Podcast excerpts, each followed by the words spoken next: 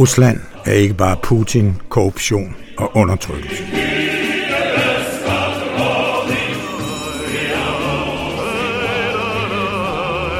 Rusland er også kunst, litteratur, videnskab, musik, skak og skønhed.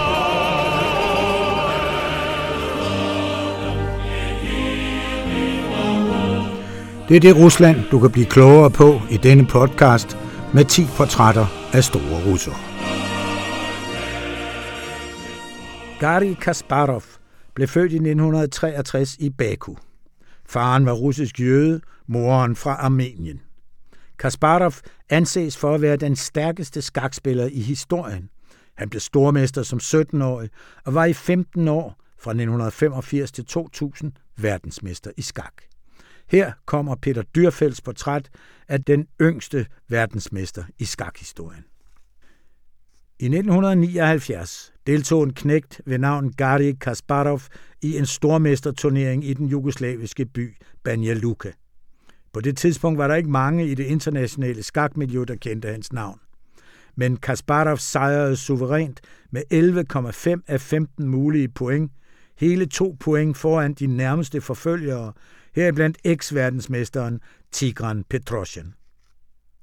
Året efter vandt Kasparov junior-VM og sikrede sig stormestertitlen efter en turneringssejr i Baku. Nu kunne man fornemme, at han udgjorde en trussel mod Tolja, verdensmesteren Anatoly Karpovs kælenavn. Og ganske rigtigt. Kasparov spacerede uden de store problemer gennem kandidatturneringen og var klar til VM-titelmatchen mod Karpov i 1984. Man var tilbage i den situation, hvor VM var et internt sovjetisk anlæggende, og når interessen alligevel var kolossal, også i Vesten, hang det sammen med, at de to vidt forskellige duellanter, Karpov var den perfekte tekniker og en af de bedste forsvarsspillere, verden havde oplevet. Kasparov var en udpræget angrebsspiller og som person Karpovs diametrale modsætning.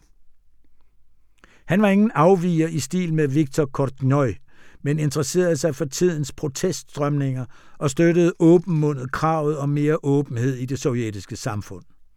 Og med sin jødisk-armenske baggrund var han fuld af liv og temperament, en fremstormende ung mand, hvis mellemnavn ikke var beskedenhed. Matchen blev indledt i efteråret 1984 i Moskva. Man spillede efter systemet først til seks gevinster. Kasparov holdt de to første partier remis, men tabte det tredje, sjette, syvende og ottende parti og var pludselig bagud 0-4. Han bliver aldrig igen den samme glade dreng, erklærede den danske skakskribent Jan Løfberg. Men så valgte Kasparov en ny strategi. I stedet for at buse på, begyndte han at spille safety first. Kunne han ikke vinde et parti fra Karpov, ville han i det mindste undgå at tabe. Og da Karpov ikke var manden, der brød sig om nogen form for hazard, gled matchen nu over i en række remier, de fleste af dem så kedelige, at de journalister, der ikke var rejst hjem, var ved at gabe kæberne af led. I det 27. parti skete der endelig noget. Karpov vandt og kom foran 5-0. Nu kunne et hvert parti blive det sidste. Men efter yderligere fem remier vandt Kasparov for første gang et parti over Karpov. Remierne fortsatte herefter, og det var blevet vinter i Moskva. Sneen lå tykt i gaderne, mens den ene remi fulgte efter den anden. Det mindede om et absurd teaterstykke, som ingen fattede meningen med. Men Karpov var ved at være mør. Som følge af de psykiske og fysiske anstrengelser havde han tabt 10 kilo siden matchens begyndelse, meget for så lille en mand. Han tabte både det 47. og 48. parti og virkede mentalt på randen af et knockout. Der var nu spillet det dobbelte antal partier af en normal VM-match. Et passende tidspunkt at stoppe lejen på, mente det internationale skakforbund FIDE. Matchen blev udsat til efteråret 1985, hvor man skulle spille forfra, og som førhen spille bedst af 24 partier. Kasparov havde utvivlsomt lært mest af den annullerede match og sejrede med 13-11 i den nye. Hermed blev han i en alder af blot 22 den yngste verdensmester i skakhistorien. Jubelen var kolossal, og i forholden til spillestedet Tchaikovsky-hallen begyndte en gruppe mennesker at danse Lesgienka, nationaldansen i Kaukasus. Mange følte, at det nye Rusland med Kasparovs sejr havde vundet over det gamle Sovjet. Kasparov forsvarede sin titel i en række seje matcher mod Karpov i 86, 87 og 1990, og mod englænderen Nigel Short i London i 1993, og inderen Viswanathan Anand i New York i 1995. Men han tabte overraskende til den unge russer Vladimir Kramnik i London 2000. I 2005 opgav han sin aktive skakkarriere for at satse på politik.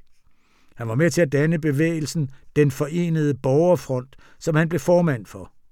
Bevægelsens formål var at kæmpe for demokrati og ærlige valg i Rusland, og i 2006 dannede man sammen med andre oppositionsbevægelser den politiske koalition Det andet Rusland, der forholder sig stærkt kritisk over for præsident Vladimir Putin. Sidstnævnte Putin forstod imidlertid det politiske skakspil langt bedre end Kasparov, der aldrig har været i nærheden af at sætte Putin mat. Til gengæld har han prøvet at blive tilbageholdt og tæsket af det russiske politi, da han i august 2012 var til stede foran den bygning i Moskva, hvor retssagen mod den russiske feministiske punkergruppe Pussy Riot udspillede sig.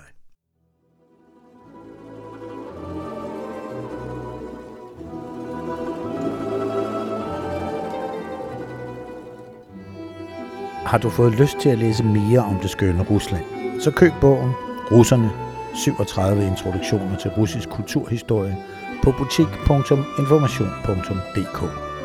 Som abonnent kan du på information.dk læse meget mere. Søg på det skønne Rusland. Er du ikke abonnent, kan du prøve avisen gratis i en måned.